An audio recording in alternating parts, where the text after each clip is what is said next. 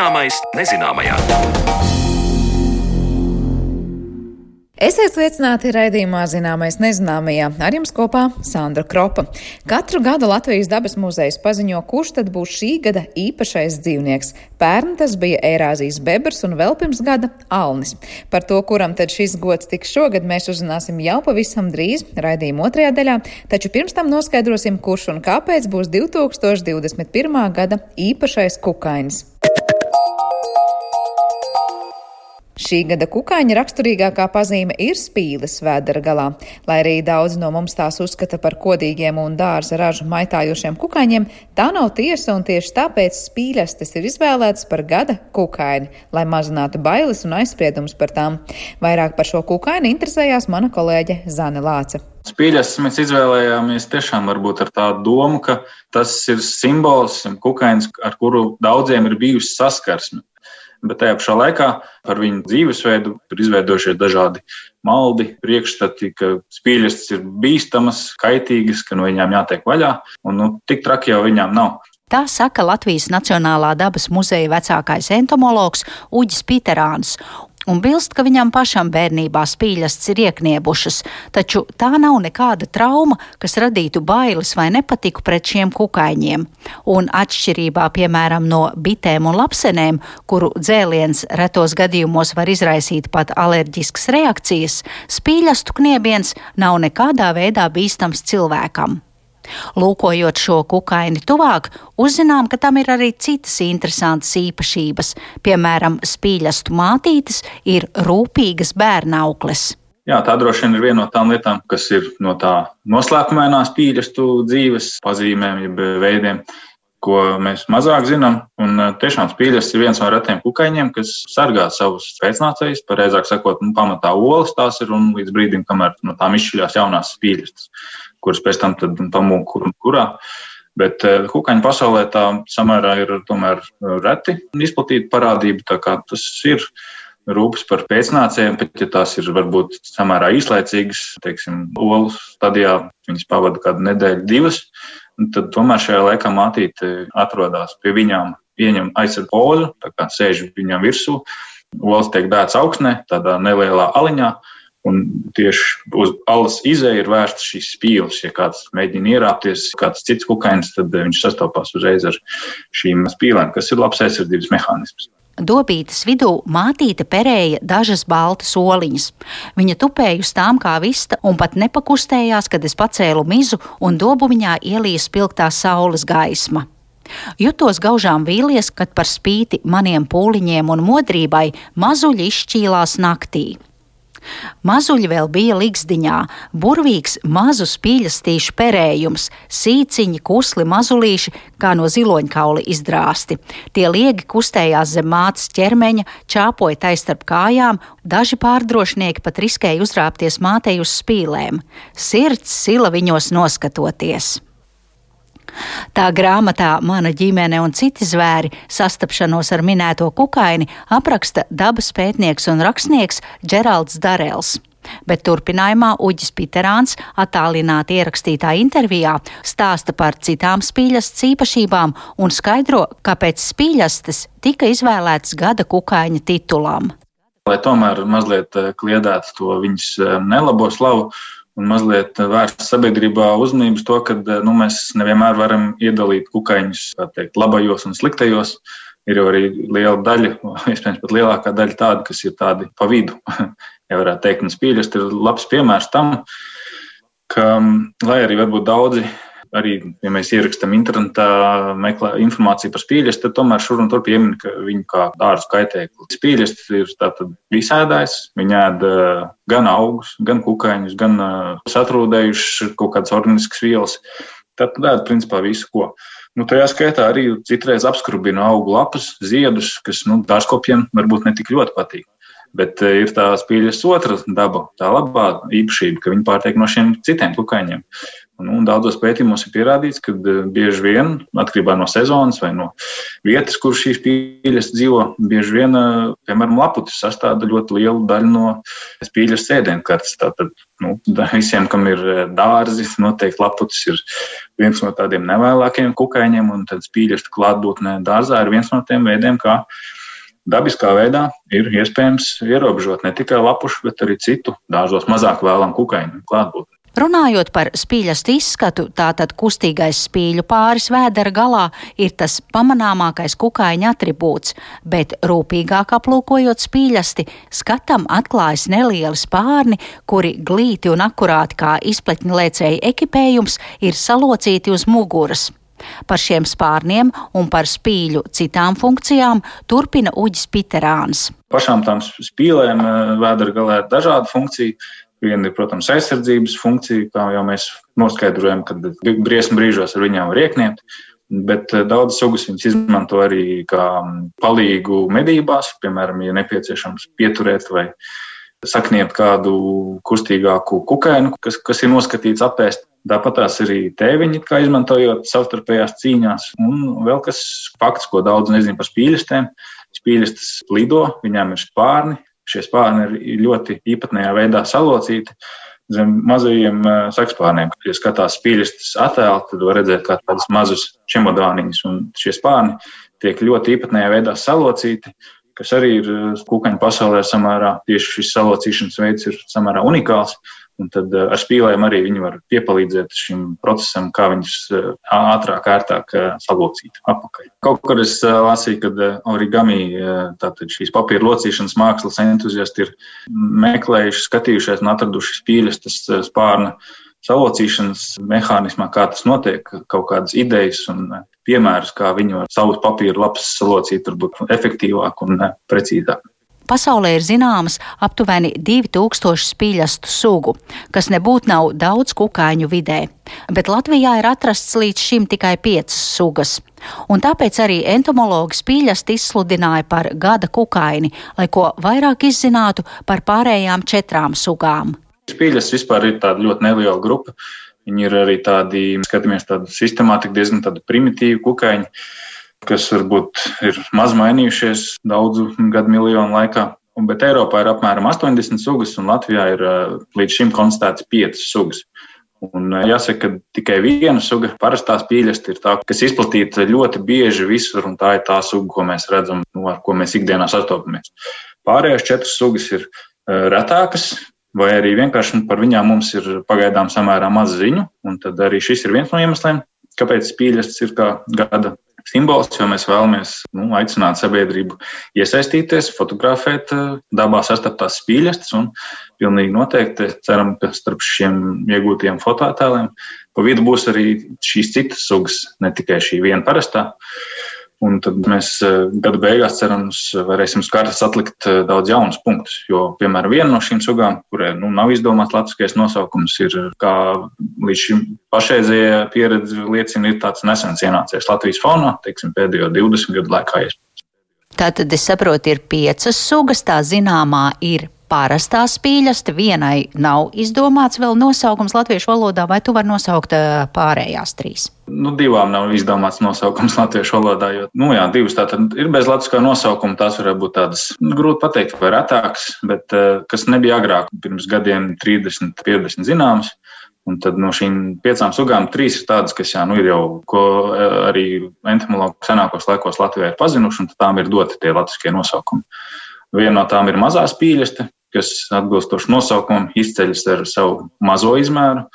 Ja parastās spīļas izmērs ir varbūt nu, kāds pusotrs, divi centimetri, mēs skatāmies, varbūt mātīts kāds traknāks ir pat varbūt nedaudz lielāks, tad mazās spīļas vidēji ir ap 4 līdz 6 mm liela. Un varbūt, ja tā cilvēks nepievērš tik rūpīgu uzmanību, var pat neiedomāties, ka tā ir spīļas. Un šī suga ir no tām, ko iespējams var sastapt cilvēku mītņu tūmā, jo tā dzīves vide vairāk saistīta ar trūdošiem augu atliekām. Nu, klasisks tāds biotops tiek minēts kompostkaudas. Suga arī labi lido uz gaismu, piemēram, ielidot pa logu. Tad šī ir no suga, ko nu, ir liels iespējas, ka kāds varētu gada laikā sastapt savā piemājas dārzā, istabā vai loga vai kā citā. Un tā piektā suga, nu, tā ir tāda ko es pats personīgi visvairāk ceru, gaidu, ka varbūt kādam izdosies atrast, tā ir piekrastes spīļaste, kas ir lielākā no Latvijā sastopamajām sugām, kuras ķermeņa izmērs var sasniegt pat 3,5 cm ar visām spīlēm. Tātad šai sugai tēviņa šīs vēdera galā esošās spīles ir vēl lielākas kā parastai spīļastei. Un šī suga būtu meklējama dažādu ūdens tilpju smilšainos krastos. Nu, lielākoties tomēr tas varētu būt runa par piekrasti, par pludmali, par liedagu, par kāpām. Un, nu, pēdējos, iespējams, vairāku desmit gadu periodā nu, nav drošu ziņu par šīs sugas atradumiem Latvijā. Es personīgi zinu, ir seni dati no 39. gada, kad esot saulkrasto šī suga redzēta, bet nu, mūsdienās, piemēram, Lietuvā, kurš kāpā šī suga ir pietiekami parasta. Tad, tad tas nozīmē, ka teorētiski kurzemes piekrastē arī šī suga būtu atrodama. Nu, es tiešām ceru, ka varbūt pievēršot uzmanību spīdistiem vairāk. Tagad vasarā cerams, ka mēs dosimies, būs iespēja doties visiem ārā, staigāt gar jūru. Tad varbūt kādam izdodas arī šo piekrastes spīdisti ieraudzīt. Ar gada kukainas spīļesti mūs iepazīstināja Latvijas Nacionālā dabas muzeja vecākais entomologs Uģis Piterāns, un ar viņu tikās mana kolēģi Zane Lāce. Bet mēs raidījumu turpinājumā atklāsim, kas tad būs šī gada īpašais dzīvnieks.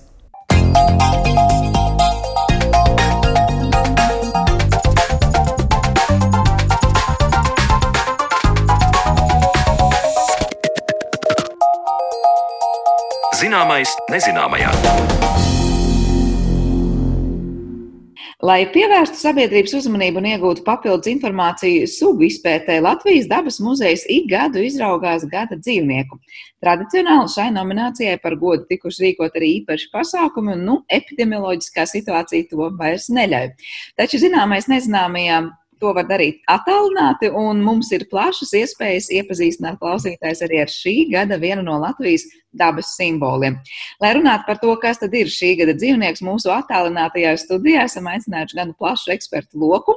Ar mums kopā ir Latvijas Nacionālā dabas muzeja pedagoģa Una Bērziņa, dabas aizsardzības pārvaldes vecākais eksperts Vilnis Skuja un bioloģija un žurnāliste Anita Upīta. Labdien jums visiem! Labdien! Labdien! Labdien. Laikam jau sākšu nu, ar Latvijas dabas muzeju, jo parasti dabas muzejs ir tas, kurš paziņo šo gada dzīvnieku. Vai būs šis svinīgais brīdis šobrīd, un, un vai, vai atklāsiet, kas tad šogad būs tas īpaši daudzināmais dzīvnieks? Nu, svinīgais brīdis klātienē šogad, diemžēl, izpaliks. Bet, jā, es, protams, atklāšu, kas ir šis dzīvnieks. Pārmaiņas pēc ir nevis viens dzīvnieks, kā mums tas ir bijis katru gadu, bet eh, tāds pārītis, divi dzīvnieki. Un tas ir zaķis, baltais zaķis un pelēkais zaķis. Un kāpēc tieši zaķi? Eh, piemēram, runājot ar daudziem cilvēkiem, es ik pa brīdim uz, uzzinu, kad viņiem ir diezgan atgāni priekšstati vai nepatiesi par šo dzīvnieku. Un daži, piemēram, domā, ka tikai vienas sugas zaķi Latvijā, un tātad, lai apgāstu šos priekšstatus un iemācītu vēl kaut ko jaunu, tā tad ir pārītis. Tā kā var teikt, ka reiz likāt aiz auss cilvēkiem, ka gan baltais, gan pelēkais zaķis ir, jūs teicāt, divi atsevišķi dzīvnieki, lai arī mums liekas, zaķis ir zaķis, un tad, nu, mazliet, kā saka, tā variācija tur ir vērojama. Bet jautājums, kāpēc tieši zaķis varbūt no vēl citiem aspektiem, vai ir tā, ka kaut kā īpaši klājas šobrīd Latvijas dabā zaķiem, mums kaut kā īpaši par to būtu jādomā? Zaķi Latvijā vairāk nepaliek. Un kāpēc vēl zaķis Nu, viens ir tas, ka šajā nejaukajā situācijā gribējās kādu jauku mīļu dzīvnieciņu izvēlēties par gada dzīvnieku. Un tas, protams, nav sevišķi nopietni, bet tomēr. Un e, mūsu muzeja ekologs arī ar abām rokām balsoja tieši par balto zaķi, jo viņai kā klimata sasilšanas pētniecei, tātad arī šis baltais zaķis liekas viens no upuriem, kad viņš tagad ar savu balto kažociņu pelēkajā ziemā nu, nav vinētājs. Tā kā var teikt, tāds simboliks vai ikona vispār klimata pārmaiņām. Mums jauns vēstnesis eh, runāt par šīm lietām, jūs prāt, varētu nu, pateikt? Varētu būt viens no, jo simtprocentīgi viņš to nav pateicis, ka viņš ir upurs. Bet es zinu, ka mums šeit līdzās ir gan Vilnis, gan Anita. Un var teikt, ka mums ir tādi divi eksperti, katrs par savu zaķu vairāk specializējās. Bet pastāstīsiet, kas jūsuprāt ir tas nu, interesantākais, kas mums jāliek aiz auss, runājot par balto un par pelēko zaķu. Anita, sākšu ar jums. Jā, noklausījos iepriekšējā runātāja teikto par balto. Jāsaka, man gribētos domāt, ka pelēkajam ir gluži otrādi, ka viņš no klimata pārmaiņām ir ieguvējis. Protams, ka Latvijā faktiski mēs nezinām, jo mēs šeit varam tikai spriedelēt, bet faktiski par zaķiem pētījumu Latvijā varētu teikt, ka nav. Ja, ja viņi ir bijuši, precīzi manējie pētījumi, laikam ir vienīgie, kas ir bijuši, un ir bijuši tieši pirms 32 gadiem pēdējie pētījumi par zaķiem.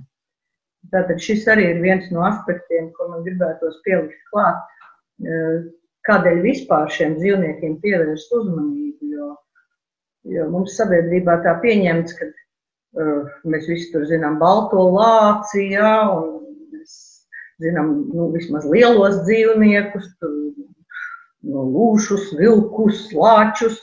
Un tas, kas ir apkārt mums tāds drusku mazāks, bet it kā ļoti zināms un pierasts, mēs īstenībā neko nezinām, kas ar viņiem notiek. Bet kas ir tas, kas bija to jūsu pētījumu uzmanības lokā? Nu, var teikt, kas pirms, pirms tiem 32 gadiem par zaķiem tika pētīts Latvijā? tieši tas arī notika. Toreiz es biju bioloģijas studente, kaut ko bija jāpēta. Un tā kā man ļoti interesēja tieši medījumie dzīvnieki, dzīvoju kādreiz tādos vectētiņu un tēva stāstos, kad medniekiem galvenais guvums bija zaķis un, un tāpat tās dažādos tautas gan ticējumos, gan, gan stāstos, gan mednieku stāstos vienmēr bija, nu, nu to, to zaķi visi gribēja nomedīt. Un, un tā, kad sākām skatīties, tad tajā brīdī, tātad 80. gadi, eh, zaķu skaits faktiski desmit gados bija samazinājies apmēram četras reizes. Tas arī bija pētījuma objekts. Kāpēc? Kas tad viņiem traucē? Kāpēc viņi samazinās? Un uh, stāstīja par medīšanu. Tas bija iemesls? Nē, medīšana absolūti nav iemesls. Arī starp citu, pirms manis vēl, vēl senākā pagātnē bija Gaujas parkā veikts arī pētījums. Tur bija salīdzināt, teiksim, populāciju, kurā notiek medības, kurā nenotiek medības, un faktiski konstatēja, ka tās medības neko neietekmē. Un ka galvenie, protams, ir pilnīgi citi faktori. Un to faktoru droši vien, ka viņi tagad mainās, bet toreiz tā bija lauksaimniecības intensifikācija, ķīmija lauksaimniecībā, eh, plēsēju savairošanās, jo, kā zināms, tagad arī nu, mums ir Eiropas sugas, mums ir vilks, lūsis, eh, visi cīnās, lai viņi būtu, lai būtu vairāk un vairāk. Bet tagad, gatavojoties teiksim, šai sarunai, es paskatījos uh, gadu griezumā, kā mums ir gājis. Ja teiksim, 70. gados zaķu skaitījās, kad ir kaut kādi 64,000 Latvijā. Ja? Tad uh, vilku lūšu bija tieši uzskaitēti no katras sugas pa desmit.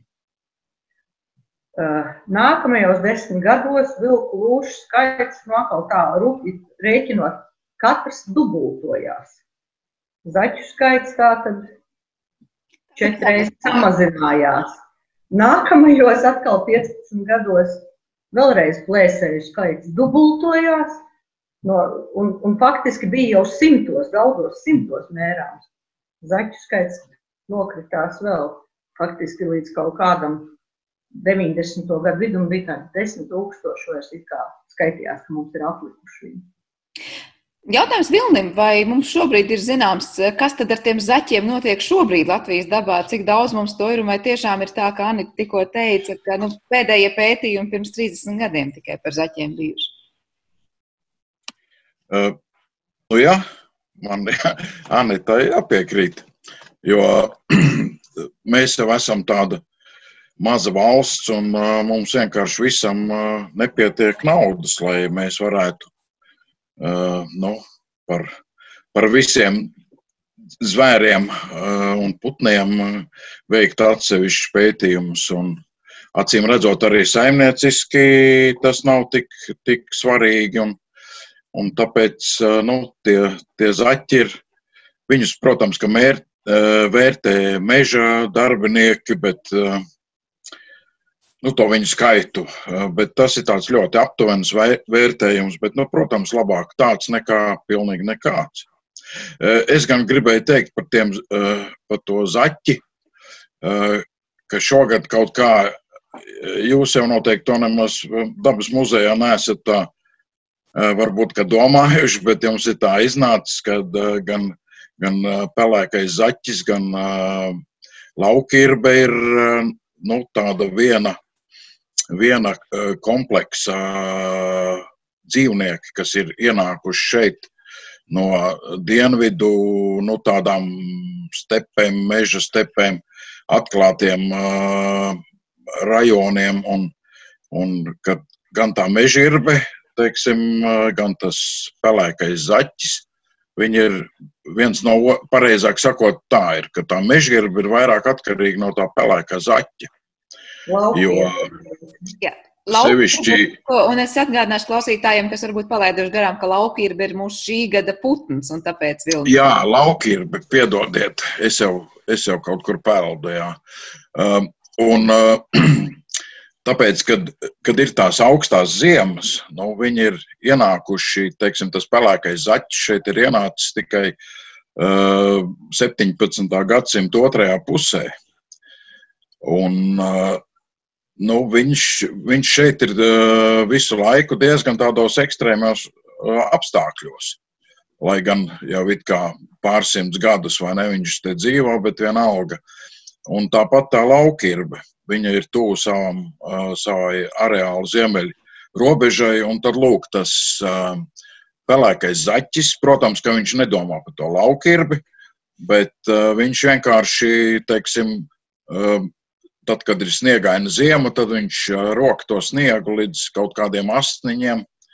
Un tad tā laukirbīte savukārt, tās laukirbīte seko tiem zaķa rakumiem, un tajos zaķa rakumos sameklē sev atkal tos kaut kādas asniņas, kas tur ir palikuši, jo viņas pašas, viņām pašām to sniegu izrakt ir daudz grūtāk. Zaķis tomēr var izrakt arī nu, līdz 30 centimetriem kaut kur dziļu sniegu un, un tikt pie ēdamā.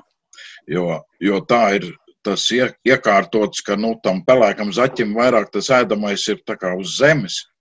Un uh, baltais zaķis var pāriet arī tad, kad visa zeme ir klāta ar sniegu, tad viņš var pāriet uz to ēdamo, kas ir, teiksim, ko dod uh, kokaugi. Tas tāds uzskatāms piemērs, kā zaķis palīdz šeit eh, laukirbē, bet vai kopumā ir kaut kādi piemēri, kā mēs varam teikt, nu tie zaķi kopumā ekosistēmai mums ir kurā vietā, var teikt, nu tādi ļoti vajadzīgi vai veids kaut kādu ļoti derīgu darbu, kas palīdz atkal citiem? Te var nu, būt vilni, tu, tu teiksi, vai, vai es? Nē, nē, saki, saki.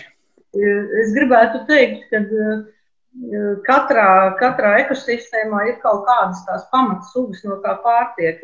Mums nepatīk peles, eh, bet no viņiem ļoti daudz kas pārtiek. Un tad es paskatījos, teiksim, arī tā, nu, atkārtoju, kas tad viss mums uz to zaķi cierē. Jo zaķis ir ļoti daudziem ēdamais. Ne, ne tik daudz viņš izveido to, to ekosistēmu, cik viņš ir pārtika citiem, lai visi tie pārējie varētu dzīvot. Ja? Un tā tad Mēs minējām jau, jau lielos, teiksim, lūsim, tas ir galvenais. Ja, ja teiksim, visvieglāk noķeramā pārtika. Protams, vilks neies garām, laps neies garām, mazu zaķēnu, ja atradīs ienuts, un viņš arī apēdīs. Liels vistuvanaks noķers.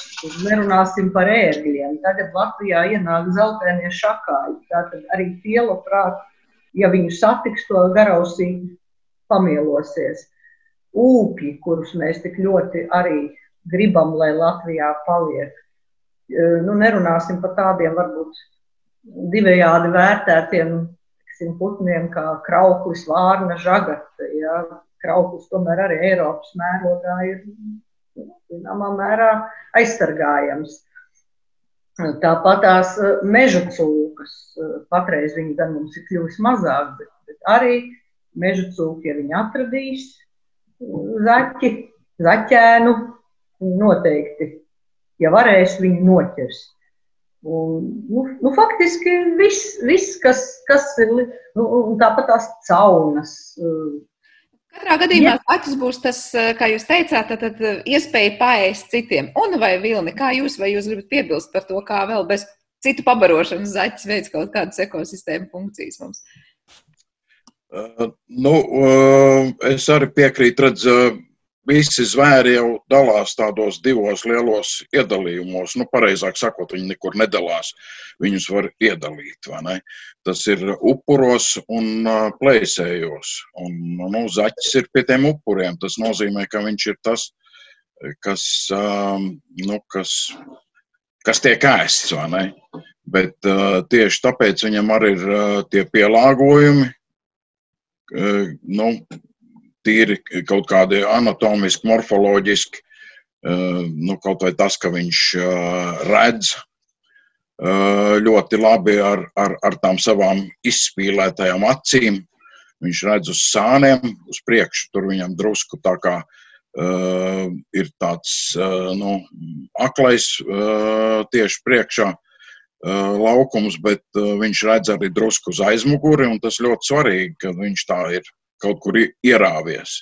Eh, nu, zaķis praktiski viņam ir eh, maz eh, dziedzeru ādā, un viņš faktiski ir veidots tā, lai viņš būtu pēc iespējas mazāk smaržīgs vai smirdīgs, tā teiksim, kā nu kuram zvēram. Un, un tāpēc viņu ir grūtāk atrast, tāpēc viņu mazuļus ir grūtāk atrast, bet te ir atkal nu, tas otrs tas negatīvais, ko nes līdzi šī lieta, ka, ka viņš ātri var uzkarst.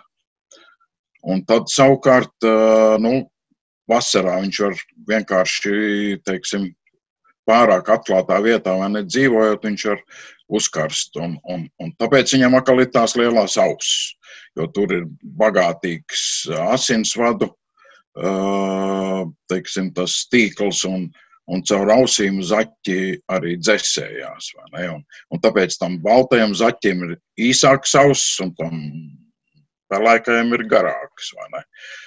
Jo pelēkais ir vairāk dienvidu sūkā. Un tiem, kas dzīvo pavisam tur polāros apgabalos, viņiem ir vēl ar mūsu balto zaķi vēl īsāks salīdzinot uh, ausis. Un, nu, zaķim ir, uh, viņam āda ir plāna, un ja viņu saķer kāda lapsa, teiksim, pie pakaļas, vai ne, tad uh, bieži vien tāda vienkārši noplīst, un tas, protams, ka ir šausmīgi un, un, un tā, bet uh, šausmīgāk tas nav par apēšanu, vai ne? Un zaķim atkal tur uh, tas pušums aizaug ciet, aizvelkās, un zaķis paliek dzīvs, kā saka. Tā kā, nu, viņš reizē ir arī tāds nu, ļoti ļoti dzīvelīgs dzīvnieks. Jā, šeit jau uzreiz vairākus jautājumus gribas uzdot par zaķu maņām, ko tikko jau mazliet ieskicējām. Tā var teikt, ka zaķis ir tāds plašumā redzošs, bet, bet viņš neredzēs tur varbūt visas aprises un visas, te, nezinu, nianses. Vilni varbūt. Nu jā, zaķim, zaķim tā redze ir, viņš vairāk pamana kustīgos uh, objektus. Un, un tas, protams, arī tādā dabā ir nu, svarīgi. Jo varbūt ka viņam ka tā redzes nemaz nav tik, nu, tik asa un stāvošs objekts. Viņš neparedz, iespējams, ka tas viņam bieži vien izglāb dzīvību. Jo viņš var vienkārši nu, Eh, gandrīz katrs laucinieks, kas ir kādreiz slājis eh, pa pļauju vai pa ceļu, ir redzējis, ka eh, turpat metru, dažu metru attālumā zaķīts sarāvies un guļ. un nekustās, un viņam var mierīgi paiet garām. Un tā arī tāda reakcija, nu, kas palīdz izbeigt no, no apēšanas, jo kādreiz tas plēsējs viņu nepamanā un zaķim nekur nav jāmūk, uh, uh, lai, lai izdzīvotu. Un, un iespējams, ka arī tā redze, nu, viņam tāpēc ir, teiksim, deguna galā taust mati vai ne, ar kuriem viņš tur tūmā to, to barību, tā kā tā sajūta, kur, uz kuru pusi tie, tie zobi jāgriež. Ja?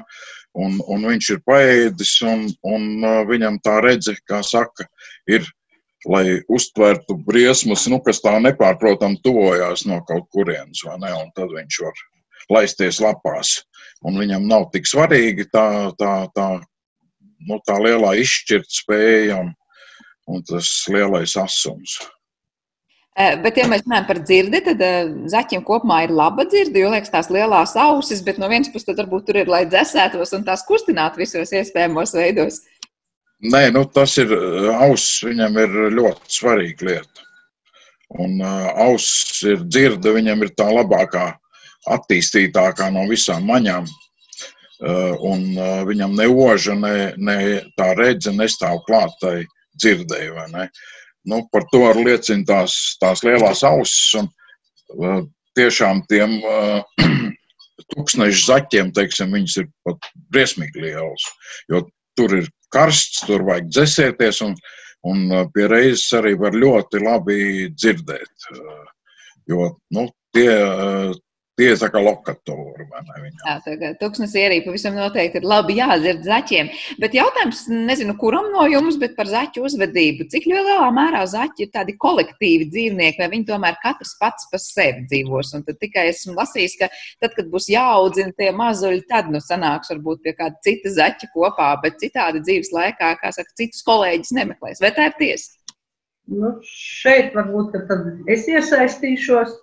Jo faktiski, ja mēs runājam, ka mums pēc gada dzīvnieks ir divi zaķi, tad viņi tiešām ir divi zaķi. Viņi katrs ir pilnīgi citādāks. Viņiem katram arī šī uzvedība ir, ir e, tas par e, kolektīvo. E, zaķi, gan baltie, gan pelēkie, ir, ir teiksim, vientuļnieki, varētu tā teikt. Viņi tiešām meklē otru tikai tad, kad, tad, kad ir vairošanās sezona. Kas ir vairošanās sezona, to arī grūti zeķiem pateikt. Jo faktiski viņi var vairoties visu cauru gadu. Nu, nav gluži kā te teicienā vairojas kā trusīši, ja, bet, bet, bet tiešām gan grūstas mammas, gan, gan mazus zaķēnus var sastapt visu gadu, kamēr vien tas klimats atļauj. Un, nu, ir Bet visvairāk jā, par to traks, kā Marta Zaķis ir tāds teiciens. Tā tad nu, Marts ir tā galvenā, galvenais brīdis, nu, kad tomēr lielākā daļa to zaķu domā par to pēcnācēju radīšanu. Un tad viņi arī tomēr sanāk lielākos baros, tajās zemēs, kur viņi vēl ir vairāk. Tas ir tiešām uz dienvidiem, tā ir varbūt Čehija, Ungārija, mm, tas gals, Bulgārija. Tad tiešām ir liel, diezgan lieli zaķu vari redzami pat uz laukiem, kas dzenājās, kaujās, bungo ar pakaļkājām tā, un, un plēšās tiešām tā, ka vilniet pa gaisu. Un tad bišķiņi pagatavojoties šim raidījumam, es pameklēju, un vispār mūsu visās grāmatās ir agrāk rakstīts, ka nu, nu, tas tā loģiski sanāk, visi barā, tēviņi plēšās, mammas noskatās. Bet atradu nesenās publikācijās, ka varētu būt gluži otrādi. Ka izrādās, tās kauslīgās ir mammas, kas atkaujās no uzmācīgajiem tēviņiem. Var sakot, tā dzenāšanās tomēr ir pretēji dzimumu starpā. Mamma mūk prom, pap, paps dzenās pakaļ, un ja tā mamma vēl negrib ar viņu satikties, nu, tad viņi sadod viņam pa seju. Eh, tā kā, nu, tas ir vienīgais laiks, kad varbūt zaķi tiešām ir tādi nu, sabiedriskāki. Un, un, jā, un tēvi neiesaistās, ja tie, tad, kad tie mazuļi piedzimst. Var sakot, ar to arī tēvu, zaķu tēvu misija beidzās. Viņi neiesaistās bērnu audzināšanā, tā mamma nu, piedzemdē mazuļus, faktiski uzreiz viņus pamet, jo, kā jau Vilnis teica, zaķim tas, ka viņu neredz, tas, ka viņu nedzird, tas, ka viņu nesož, ir galvenā aizstāvība. Un tātad tie mazuļi tiek pamesti, un, atsakot, reizi dienā mamma atnāk un pabaro viņus. Un tas arī notiek tikai, nu, teiksim, apmēram divas, trīs nedēļas, kad tā mamma pie viņiem nāk. Un faktiski pēc divu nedēļām viņi jau diezgan patstāvīgi sāk baroties. Jūs atkal par pilnīgiem vientuļniekiem. Tad piedzimst jau dzīvē gatavi, ja tā var teikt. Bet jūs teicāt, ne vēl te pelēkais un baltais zaķis, divi dažādi dzīvnieki. Es saprotu, arī jūs uzsverat šogad ar šo gadu dzīvnieku, kad gan par balto, gan par pelēko mums jārunā. Tāds pavisam muļķīgs jautājums, kas iespējams rodas daudziem mūsu klausītājiem. Ar ko atšķiras pelēkais no baltā zaķa, ja mēs nerunājam tikai par to kažoka krāsu? Vai vispār savā uzbūvē, uzvedībā, to, ko viņi ēd un kā viņi ēd, šie dzīvnieki ir atšķirīgi? Nu, Vilnis jau ieskicēja, ka teiksim, eh, baltais zaķis ir vairāk meža dzīvnieks, faktiski viņš ir ziemeļa dzīvnieks, par ko liecina arī viņa baltais kažoks. Viņš ir pielāgojies dzīvei eh, ziemā, vairāk augstos reģionos, un faktiski viņi ir tā tādi, kas varētu viens otru nomainīt. Ja tā ziemeļa zaķa areāls vairāk tagad sasilstot klimatam, tomēr varētu iet vairāk uz ziemeļiem, tad, tad teiksim, tas pelēkais varētu pamazām, pamazām atkal iegūt kādas priekšrocības. Bet tas vienalga izklausās, ka nu, atšķirās, tikai, atšķirās tikai reģions, kurā notiek tā dzīve. Ja? Bet vai pats pats dzīvnieks, nezinu, pilnīgi atšķirīgi nezinu, reaģē uz, uz vidas izmaiņām vai savstarpējā komunikācija atšķirās? Domāju, ka nē.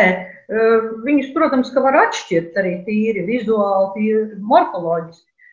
Baltais zaķis ir arī īsām ausīm, kā jau Vilnis teica, nevar dzēsēties. Pelēkais ir daudz garāks ausis. Pelēkais ir tāds slaidāks, lielāks, varētu teikt, garākām kājām, jo viņam vairāk ir tomēr jāskraid tādām pļavām, aizaugušām vietām. Tāpat tās nu, tīri vizuāli vienmēr var atšķirt no tā, vienu no otra, tā ka um, teiksim, pelēkiem vienmēr ir melns laukums uz astes virsū, baltajam nav.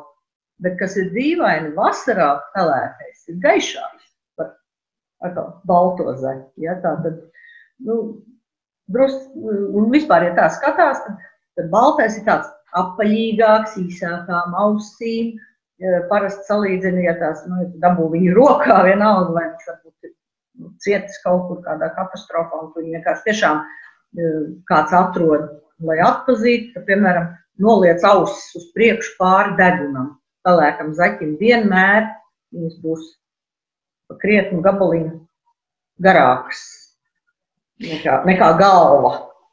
Jā, redz, kā tad vairākas uzskatāmas pazīmes pat iezīmēs.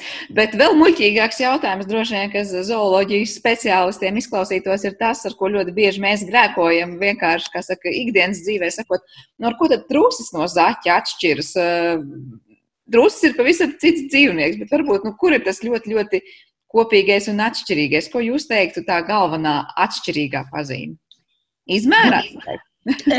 Nu, izmērā varbūt arī, ka trusis ir mazāks par zaķiem caurmērā. Bet visvieglāk uztveramais atšķirība ir nu, vairošanās. Mm, kā mēs noskaidrojam, tātad zaķis piedzimst jau dzīvei gatavs. Māma viņu atstāja kādā, nu, varbūt iedobītē, bet trusis piedzimst akls, pliks, dabīgajos apstākļos mammas eh, raktā alā zem zemes un tur arī pavada ilgāku laiku, kamēr, nu, kamēr kļūst dzīvē gatavs, tā kā tas jau ir ar zaķi piedzimstot. Eh, trusis piedevām ir sabiedriskāks dzīvnieks par zaķi. Kā ar to skriešanu? Vai tā ir tiesa, ka zaķis vienmēr skries un skries gan ātri, bet trusis skries tikai nepieciešamības gadījumā? Nu, nezinu, kā nu viņiem ir tā nepieciešamība, bet nu, zaķis var skriet pār pa 70 km stundā ātrumu. Tas ir ļoti liels ātrums, teiksim, dabā, bet trusim, kā jau te kolēģi pieminēja, viņi tomēr roka alas, tur viņi dzīvo savvaļā, tā tad viņi ļoti tālu neaizklīst no šīm savām alām. Tātad viņam ir varbūt iespējams, ka vajadzīgs šis īsais skrējiens, lai paslēptos alā. Un šī stratēģija, nu, kā mēs redzam, ir bijusi daudz izdevīgāka izdzīvošanai. Jo tajā alā viņš tomēr no tiem gan lidojošiem, gan daudziem staigājošiem plēsējiem pasargāts un, un drošībā. Bet kas ļauj zaķim to ātrumu nu, tik lielu attīstīt? Tās ir tās pakaļkājas, kas ir īpaši piemērots, vai kā jūs teikt, nu, kas ir tas viņa skriešanas noslēpums? Tas ir atkal druskuļi, varbūt jāpakāpjas atpakaļ, ka daudz cilvēku nespēja atšķirt, uz kuru pusi tad ir pēdas. Ja? Uz kuru pusi tad mēs redzam ziemā pēdas, bet uz kuru pusi tad zaķis ir gājis. Un, un tā zaķa pēda ļoti interesanta. Viņa nav tā kā strīpiņā, tā kā citiem dzīvniekiem, bet ir uh, divas pēdas paralēli vienotrai blakus. Un pēc tam ir divi, divas atkal viena aiz otras. Un, un bieži vien pilnīgi otrādi cilvēki uztver. Bet faktiski tā, ka tas zaķis, tas, tas pakaļkājas izmanto tā kā tādu lielu atspēri. Viņš aizmet viņus priekšā galvai. Tātad, un tas atspēriens ir daudz lielāks nekā vispār viņa rumpi garums. Ja? Tad, nu, iedomāsimies ķēnguru, ja? tikai samazinātā versija. Un, un, tas arī ir tas, ka viņš, viņš var nogul, nogulēt ļoti ilgi mierā, un tad, kad viņš raujās augšā, tad tas tā ir eksplozija. Faktiski.